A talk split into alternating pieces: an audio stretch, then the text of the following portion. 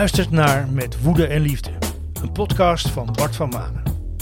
Ik ben een boze witte man, maar met genoeg liefde om erover te praten.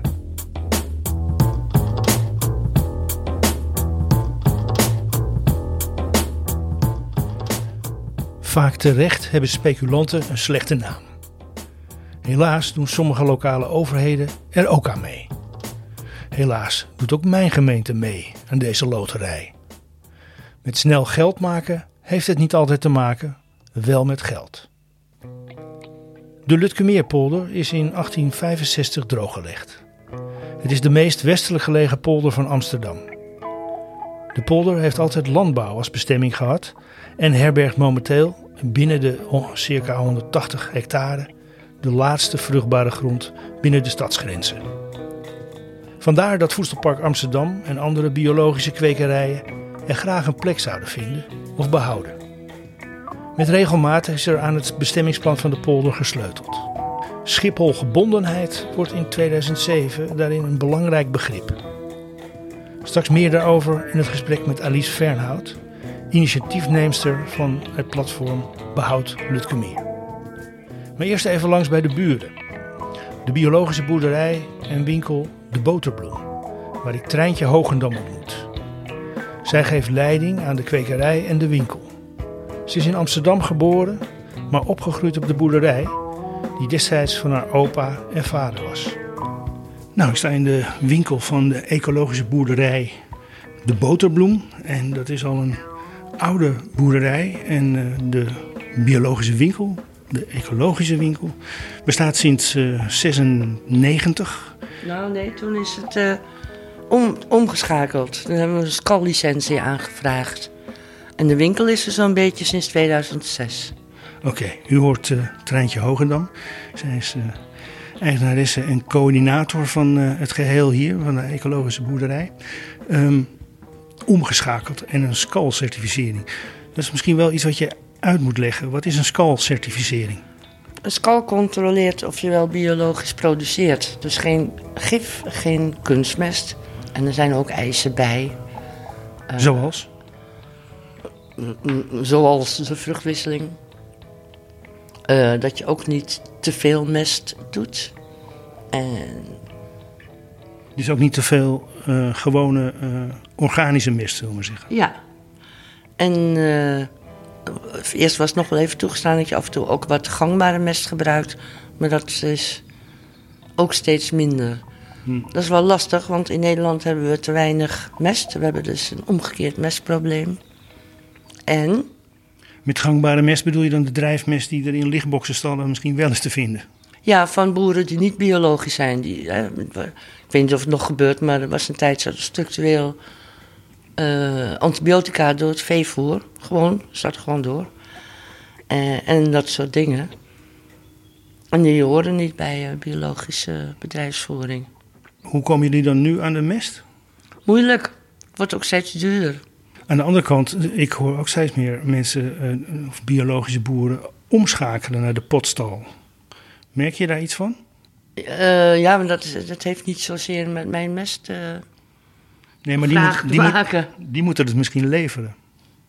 Nou, er zijn veehouders die doen de potstal, ja. Maar ze gebruiken ook veel zelf. Dus de skallicentie die waarborgt dat het ook inderdaad gebeurt. Daar moeten wij voor betalen en helemaal niet zo weinig. En Als het biologisch staat en het is niet zo, dan is dat in, niet toegestaan. Wat voor mensen komen bij jou in de winkel? Zijn het mensen die ook uit, uit de stad komen, die gewoon hier uh, wekelijks ja, komen, langskomen? Er komen mensen uit de stad, maar toch de vaste klanten zijn meestal ietsje dichter in de buurt. Het is niet een heel drukke winkel. Druk genoeg, maar vandaag, ja, het was ook niet zo'n dag, hè. Hm. Nee, het is een hele, hele grijze dag. geen storm. Hey, en, en, en leven jullie dan ook nog aan, aan horecabedrijven of uh, restaurants? Vroeger leverden we aan winkels, maar er zijn steeds minder zelfstandige winkels in Amsterdam. Je had de Weegschaal, de Bast, Oase, uh, Marcus in de Nieuwe Kerkstraat. Ik ben even de naam kwijt. Maar nu zijn er nog twee. En hoe komt dat, denk je? Want ik heb de indruk dat mensen, mensen daar best wel, best wel uh, geïnteresseerd zijn in uh, biologisch eten, voedsel. Nou, dat vraag ik mij ook af. Waarom gaat iedereen maar fuseren? Waarom de grootschaligheid? Ik weet het niet. Nee. Ik denk wel eens, misschien doordat het steeds ingewikkelder gemaakt wordt met allerlei eisen, regels die opgelegd worden, dat je er misschien bijna een apart iemand voor nodig hebt om er allemaal aan te voldoen. De koeling van de etalage hier, waarin allerlei producten is uh, aangeslagen zoals u hoort inmiddels. Mm -hmm. uh, daar zijn natuurlijk ook uh, eieren en uh, kaas te vinden. waar haal je dat vandaan? de kaas komt uit Noorderloos. Dat is halverwege Utrecht-Breda. In het Groene Hart. En die komt van Kees en Maria van Galen. En die hebben een hele mooie antroposofisch bedrijf dus. Dus het is ook Demeter. Hm. En dat andere, de blauwe kaas, komt van Bastiaanse. Ja, en, uh, en deze koop ik in bij de groothandel Odin. Oh ja, Feta en een zachte geit. Erg lekker met rode biet. En de eigen producten zijn dus nu spruitjes, broccoli, spersiebonen, pronkbonen, puntpaprika's. En pompoenen, courgettes, aubergines, bieten en prei. Treintje moest op tijd weg en nog de voorbereidingen doen voor haar schakenavond. Want schaken is haar grote hobby. Het verhaal over haar polder heeft Treintje waarschijnlijk tot vermoeiens toe moeten vertellen. Maar buurvrouw Alice Fernhout doet dat verhaal ook graag. Ze werkt al ruim 15 jaar als ecologisch hovenier en woont ruim 7 jaar in de polder. Niet lang nadat ze daar kwam wonen, vielen de vernieuwde plannen met de polder op de mat. De polder zou bouwgrond moeten worden voor een bedrijventerrein. De bewoners en gebruikers zouden de grond leeg moeten opleveren. Om dat te voorkomen startte zij met het platform Behoud Lutkemeer, waarvoor ze overigens aanzienlijke steun kreeg van particulieren en verwante organisaties. Hoe staat de zaak er nu voor? Er zou eigenlijk een nieuwe belangenafweging moeten komen, is, uh, is jullie gedachte. Um, maar laten we eerst even beginnen. Wat is de stand van zaken momenteel? Alice. Uh, nou ja, het, is eigenlijk, het gaat over het laatste kwart van de Lutkemeerpolder. Als je de Lutkemeerpolder in vierde deelt, dan is er nog één kwart wat uh, onbebouwd is. En waar uh, eigenlijk de afgelopen jaren, afgelopen, nou ja, sinds het drooggelegd is, is het agrarische grond geweest. En de laatste 25 jaar biologisch geteeld grotendeels. En de gemeente heeft in haar wijsheid bedacht dat het beter is om daar bedrijventerreinen te exploiteren. En uh, nou ja, vandaar behoudt Lotkemeer, want wij willen dat uh, tegengaan. En de huidige stand van zaken is dat we, er zijn een aantal bouwvergunningen afgegeven waartegen wij beroep hebben aangetekend. en we hebben zelf een verzoek tot herziening bestemmingsplan ingediend, wat inmiddels al drie jaar loopt. En naar het nu uitziet, dat heel binnenkort wordt behandeld bij de rechtbank in de meervoudige kamer zelfs. Hm, maar het is dus bij de rechter en niet bij de politiek meer. Uh, nee, want het, het, nou ja, eigenlijk is het, het, het idiote is dat wij eigenlijk aan het procederen zijn over het feit dat de gemeente maar geen besluit neemt. Dus wij hebben een herzieningsverzoek ingediend voor het bestemmingsplan. Uh, dat moet de gemeente behandelen. Wij zijn inmiddels ontvankelijk verklaard en de rechtbank heeft bepaald uh, dat de gemeente daar een besluit over moet nemen. Maar uh, het wordt gewoon stomweg niet behandeld. Dus daar, vandaar dat we nu dus naar de rechtbank zijn gegaan. Oké, oké. Even terug naar de betrokkenheid bij dit uh, probleem. Je bent hier, hoorde ik net, zo'n zeven jaar geleden komen wonen. Ehm, zag je toen gelijk al de problemen met, met de Lutkemeer? Of hoe ben je hierbij betrokken geraakt überhaupt? Nou, ik ben niet terechtgekomen omdat ik hier de kans kreeg om mijn kwekerij van biologische planten te starten. Ehm, en eigenlijk, dat was in november en ik was op de hoogte van het feit dat men in de toekomst wellicht plannen zou hebben om hier te gaan bouwen. Maar eerlijk gezegd dacht ik ook van ja, die plannen die waren al van 2003 en in 2013 weer eens herzien. Maar eigenlijk, nou ja, altijd op de lange baan geschoven. En ik dacht ook van joh, in deze tijd kan ik me eigenlijk niet meer voorstellen dat we vruchtbare grond op deze manier gaan verkwanselen. En niet omkijken naar het milieu en naar de goede aspecten die zo'n polder heeft. Dus eerlijk gezegd verwacht ik het niet. Of in ieder geval denk, dacht ik van, nou ja, als het al aan de orde is, dan is men nu toch wel wat wijzer als twintig jaar geleden. Ehm, maar niets bleek minder waar. Ik zat hier nog geen maand of zes en de brief kwam uh, dat we moesten vertrekken. En um, nou ja, toen is het balletje gaan rollen eigenlijk. Uh, want uh, je noemt het net biologische grond. er zijn, jullie hebben intussen allemaal eigen plannen gemaakt. Um, hoe haalbaar zijn die nu, nog als je er nu naar kijkt? Ik denk dat je doelt op Voedselpark Amsterdam. Dat is inderdaad het alternatief wat door een hele grote groep Amsterdammers wordt ondersteund. En um, nou ja, het idee is om hier gewoon veel meer eigenlijk de grond te gaan gebruiken waar die voor bedoeld is. Namelijk voedselproductie. En dat vinden wij niet alleen. Dat is de grondsoorten die dat eigenlijk wel gebiedt. Want dit is gewoon echt de laatste vruchtbare grond van Amsterdam. Notabene in bezit van de gemeente. Um, en zelfs door Van Eesteren destijds al aangewezen als voedselproductiegebied.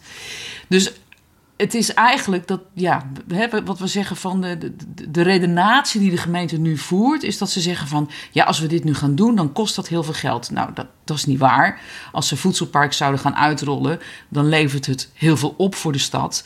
En het kost geld, dat is eigenlijk het is geld wat ze hebben gecalculeerd, wat ze ermee kunnen gaan verdienen, wat ze dan niet krijgen. Dus dat is sowieso een andere manier van kijken naar, naar dat geld. Uh, dus, dus eigenlijk is dit een discussie over geld. Dit is, en, en, en wat je gewoon merkt, is dat er vanuit de politiek. Uh, heel erg gekeken wordt naar, ja, maar wij zijn onbetrouwbaar als wij nu deze plannen uh, stop gaan zetten. Hè, dat, dat, kan niet meer, want, want we hebben dit nu eenmaal bedacht. Nou ja, daarvan zeggen eigenlijk heel veel mensen: joh, dat kan echt wel anders. Ik schat die kans nog steeds re reëel in dat dat kan. Daar komt bij dat er inmiddels uh, vanuit uh, de landelijke politiek is gezegd: we moeten bodem, uh, bodemsturend gaan werken. Dus dat betekent dat de bodem leidend moet zijn in wat je voor plannen ontwikkelt. Uh, en dat is nu ook door het waterschap hier gezegd: van ah, luister eens eventjes, de Lutkemeerpolder is een van de diepste punten van Amsterdam. We gaan die nodig hebben voor wateropvang. Dus um, wat dat er gaat, zijn er ook nu vanuit de politiek wel krachten die zeggen: van ga dit plan nou eens even heel goed opnieuw bekijken. Um, ja, en het, natuurlijk is het zo dat iedere dag dat er meer wordt ontwikkeld of meer wordt nagedacht over uh, bouwplannen en meer contracten worden aangedaan, kost het ook meer geld om het terug te draaien. Dus ja, ik begrijp niet waarom de gemeente niet gewoon zegt: pas op de plaats we gaan opnieuw uh, bekijken. Nee, voor mij vindt de politiek het altijd heel erg moeilijk om fouten of uh, um, ja, misstanden ja. toe te geven. Dat, daar zal het ook zeker mee te maken hebben. Maar een van de dingen die natuurlijk hierbij erg in het oog springt, is de, de, de, de parallele belangen die er zouden kunnen zijn met Schiphol. Maar die zijn eigenlijk ook aan het verdwijnen. Ja, ook dat nog eens. Nou ja, uh, ja en nee. Eigenlijk zie je hier precies namelijk wat. wat hè, ik heb ooit eens een artikel gelezen en de kop was. Uh, Schiphol, een vastgoedbedrijf waar ook vliegtuigen landen. En dat is natuurlijk wat er aan de orde is. Schiphol zit hier ook in. Hè. Dat is, het is een, dit, dit ontwikkelgebied is een samenwerking van de gemeente Amsterdam, van de gemeente Haarlemmermeer, van Schiphol en van de provincie. Dus deze vier eigenlijk, want in Schiphol kan je ook wel een staatsbedrijf uh, neerzetten, zo ongeveer. Eigenlijk zijn het allemaal overheden die zich als projectontwikkelaar op de markt gaan begeven, zich rijk rekenen dat ze hier geld aan kunnen verdienen. Schiphol heeft er ook belang bij, want ja, met teruglopende vluchten zullen ze andere verdienmodellen moeten gaan aangaan. Dus vastgoed en grondexploitatie is er een hele goede optie in. Ze bezitten enorm veel grond hier in de omgeving, dus daar zit natuurlijk juist een heel groot belang om het door te zetten. Hm. Maar het blijft geld. Het is allemaal financieel gedreven. Ja. Een van de dingen die natuurlijk ook al uh, bekend is, is dat uh, uh, toenmalig wethouder en later dat, gedeputeerde Ton Hoijmaiers hier een, een behoorlijke scheve schaats heeft gelopen. maar dat die zaak nog steeds eigenlijk besluiten in de weg zit. Hoe zit het daar nu mee? Nou, wat er eigenlijk aan de hand is, is ehm, wat je ziet, is dit bestemmingsplan uh, is eigenlijk in de afgelopen twintig jaar... het is wel altijd bedrijventerrein geweest... maar er is altijd een ander labeltje aangehangen. En eigenlijk is dat labeltje constant veranderd... omdat men het aan de straatsteden niet kwijtraakte. Dat is eigenlijk het verhaal. Hè? Dus aanvankelijk moest het Schiphol-gebonden bedrijven moesten hier komen te zitten. Want, was er gezegd bij de besluitvorming om dit om te zetten naar bedrijventerrein... Ja, maar dit is zo'n unieke locatie, want zo dicht bij Schiphol en de stad, dat moeten we wel daarvoor gebruiken. Nou, puntje bij paaltje, het verkocht voor geen meter. Er was helemaal, waren helemaal geen bedrijven die met dat label geïnteresseerd waren, terwijl dat wel de grond was geweest om ooit het bestemmingsplan te wijzigen. Dus toen na tien jaar later het bestemmingsplan eh, weer herzien moest worden, want dat, dat is een, vaststaande cyclus, uh, toen heeft Ton Hoijmaijers, die belangen had ook financieel in deze polder. Daar, daar, is hij ook voor veroordeeld en heeft hij voor vastgezeten. Uh, maar wat daarbij vergeten is, is dat hij ook een belang had bij het vaststellen van het bestemmingsplan. Hij heeft vriendjes van hem aangesteld om een soort onderzoek te doen. Waaruit bleek dat het toch beter was om het geschipholgebondenheid te laten gaan. Ja, uiteraard, want het verkocht niet. Um, en daarmee is eigenlijk die bestemming. Dus de reden om ooit hier een bedrijventerrein te leggen was: het is zo dicht bij Schiphol. Maar de uitkomst is nu dat het distributiecentra worden. Kortom, die stap, om die stap te kunnen zetten, moest er een wijziging plaatsvinden. Dat is allemaal weer onder zijn leiding uh, keurig die kant op uh, geduwd. Om maar geld te kunnen verdienen. Hmm, hmm. En dat geld verdienen, dat is uh, vooralsnog helemaal niet gebeurd. Uh, en wat, wat gebeurt er nu met de polder eigenlijk? Wat, wat is hier nu gaande? Nou ja, wat je nu ziet is dat er voor een deel, een heel klein deel, zijn er een paar bedrijven die nu bouwvergunningen hebben aangevraagd. Die, worden, die moeten weg op uh, de schinkelterreinen. dus die, die, nou ja, die worden eigenlijk door de gemeente hier naartoe gedirigeerd, zo kan je zeggen. Uh, maar het overgrote deel waar, waar nu een bouwvergunning voor is aangevraagd, voor een enorm stuk, dat is voor een, gewoon een, een vastgoedondernemer, Distriprop heet het, die 50.000 vierkante meter distributiecentrum gaat neerzetten. Hij heeft er nog geen eens een huurder voor. Is een hele mooie website. Uh, je kan allemaal kijken hoe het eruit gaat zien. Maar het is geen noodzaak. Hm. Hè? Dit, is, dit is landjepik. Dit is investeren in grond, investeren in vastgoed. Zorgen dat het vastgelegd wordt, dat je het kan gaan uh, verhuren op termijn. En uh, nou ja, dan moet je er een crisisje overheen laten gaan, dus noods. Uiteindelijk zal het wel geld gaan opleveren. En dat is waar dit over gaat. Hm. Dus het is eigenlijk grondspeculatie. Het is volle 100% grondspeculatie. En dan ingegeven en door, de, door, een, door overheden die er ook aan verdienen. Hm. Nu is het natuurlijk zo dat eh, als je daar überhaupt op wil bouwen, dan moet je dat bouwen rijp gaan maken, zoals hier eh, verderop al is gebeurd bij een stukje. En, dan ligt er een, een hoop zand overheen. En dan ben je eigenlijk al, kun je, kun je dan nog terug? Is dat wel eens gebeurd, naar jouw weten? Uh, nou ja, op zich, dat is voor een heel klein stukje hebben ze, zijn ze nu begonnen inderdaad met zand uitrijden. Uh, het doet de grond geen goed, laten we dat uh, voorop stellen. Maar in principe, je zou het weer af kunnen graven. Ja, het, gaat natuurlijk nergens over. Je moet het voorkomen is beter dan genezen. Maar desnoods is dat nodig. Oké. Nou, is, uh, nou is dit uh, ook uh, een zogeheten publiek-private onderneming. Daar zit de grond in, in ondergebracht. Um, dat kan natuurlijk goed gaan. Maar in dit geval lijkt het echt ongelooflijk fout te zijn gaan. Maar het is ook een weerwar aan bedrijven en mensen die erbij betrokken is. Gaat dat, uh, heeft, heeft dat nog uh, uh, invloed op de uitkomst van de zaak bij de rechter? Oeh, oh, ja, dat, nou ja, dat denk ik niet, omdat we uh, aan de ene kant tegen de bedrijven die willen bouwen procederen en aan de andere kant heel duidelijk tegen de gemeente die een besluit moet nemen. Dus daar zijn eigenlijk die verhoudingen niet zo ingewikkeld.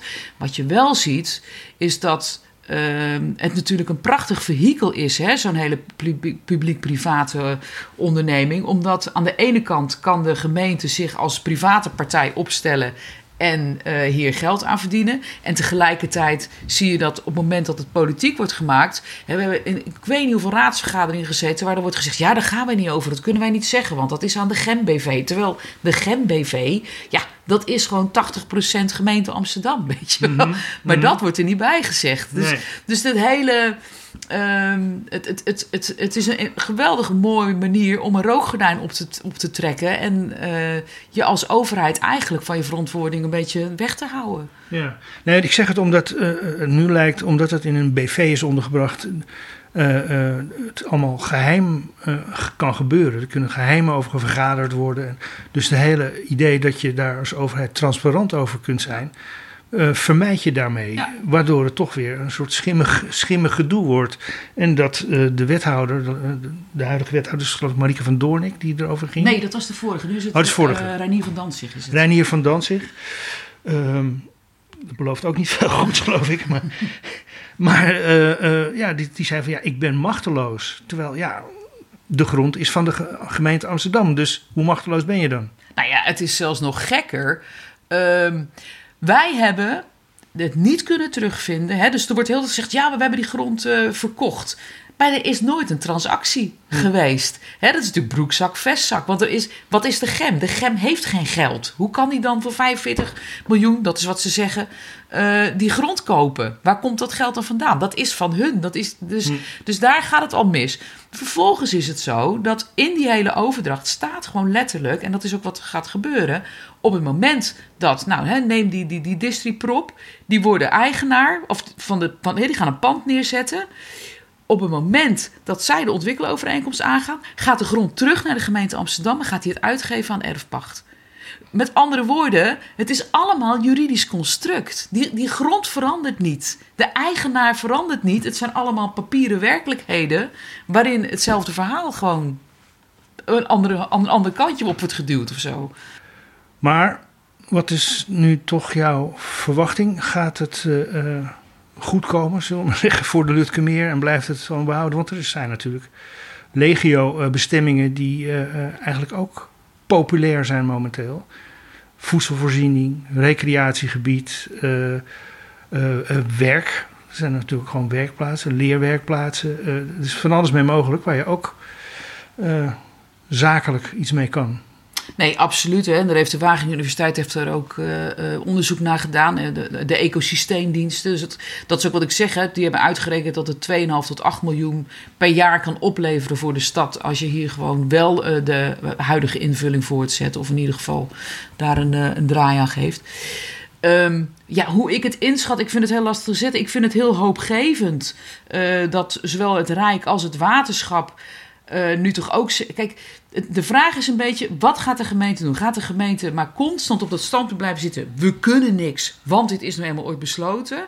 En het kost zoveel geld. Of gaan ze zeggen: van hé, hey, dit is eigenlijk interessant. Laten we nou eens ehm, eh, dit handvat aangrijpen. Eh, ehm, waarbij we dus die landelijke wetgeving gaan volgen. En gewoon met, een, met, de, met de blik van nu naar zo'n verhaal kijken. En ehm, wat ik zelf inschat is op het moment dat wij juridische spaak in het wiel weten te krijgen, dan ontstaat een situatie waarin volgens mij een gemeente ook kan zeggen: dit is het moment om anders te gaan kijken. Zolang we dat niet krijgen, ben ik bang dat dat niet gaat gebeuren. Dus het, die twee hangen wel samen met elkaar. Aan de andere kant eh, hebben we natuurlijk wel gezien dat eh, Albert Heijn was natuurlijk aanvankelijk ook een eh, grote speler die hiermee wilde doen. Die hebben zich teruggetrokken. Die hebben op een gegeven moment wel gezegd van ja, weet je, eigenlijk is dit helemaal niet wat bij onze imago past. En willen wij helemaal niet op deze manier eh, eh, te boek staan alsof wij zo'n polder eh, gaan. Nou ja, en ik denk dat is natuurlijk ook een verhaal wat misschien ook wel voor anderen gaat gelden. Dus de hoop is eigenlijk dat, er een, eh, dat jullie een juridische spaak in het wiel van de gemeente steken. om ze maar een excuus te geven om te veranderen van koers. Dat is toch heel raar. Ja, maar ja, ik denk, ik denk dat, dat dat is in ieder geval wat ik de afgelopen jaren heb geleerd. Dat is hoe politiek werkt. Die komen niet zelf terug op hun schreden. Niet zomaar. We gaan het afwachten. Ja, Veel succes. dankjewel.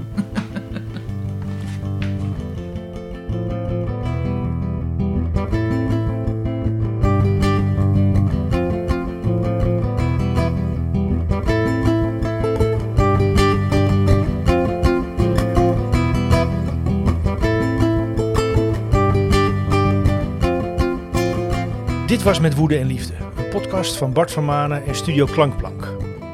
Over de Lutkemeerpolder is door filmmaker Bart Melief dit jaar een documentaire gemaakt.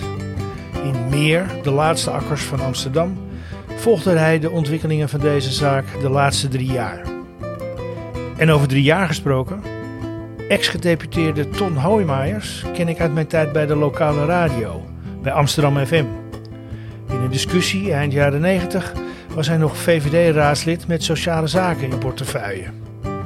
Over mensen in de bijstand deed hij toen de uitspraak: iedereen kan een chocoladeletter inpakken. Ik moet er nu steeds aan denken, omdat ik me afvraag hoe zijn dagbestedingen er in die drie jaar gevangenis heeft uitgezien. Enfin, dank aan Alice Fernhout en Treintje Hogendam van biologische boerderij en winkel De Boterbloem. Beide websites zet ik in de show notes. Uh, hulde vragen en suggesties kun je sturen naar mail.klankplank.nl. En ik ben echt niet minder boos, maar ik blijf toch praten. Tot de volgende keer.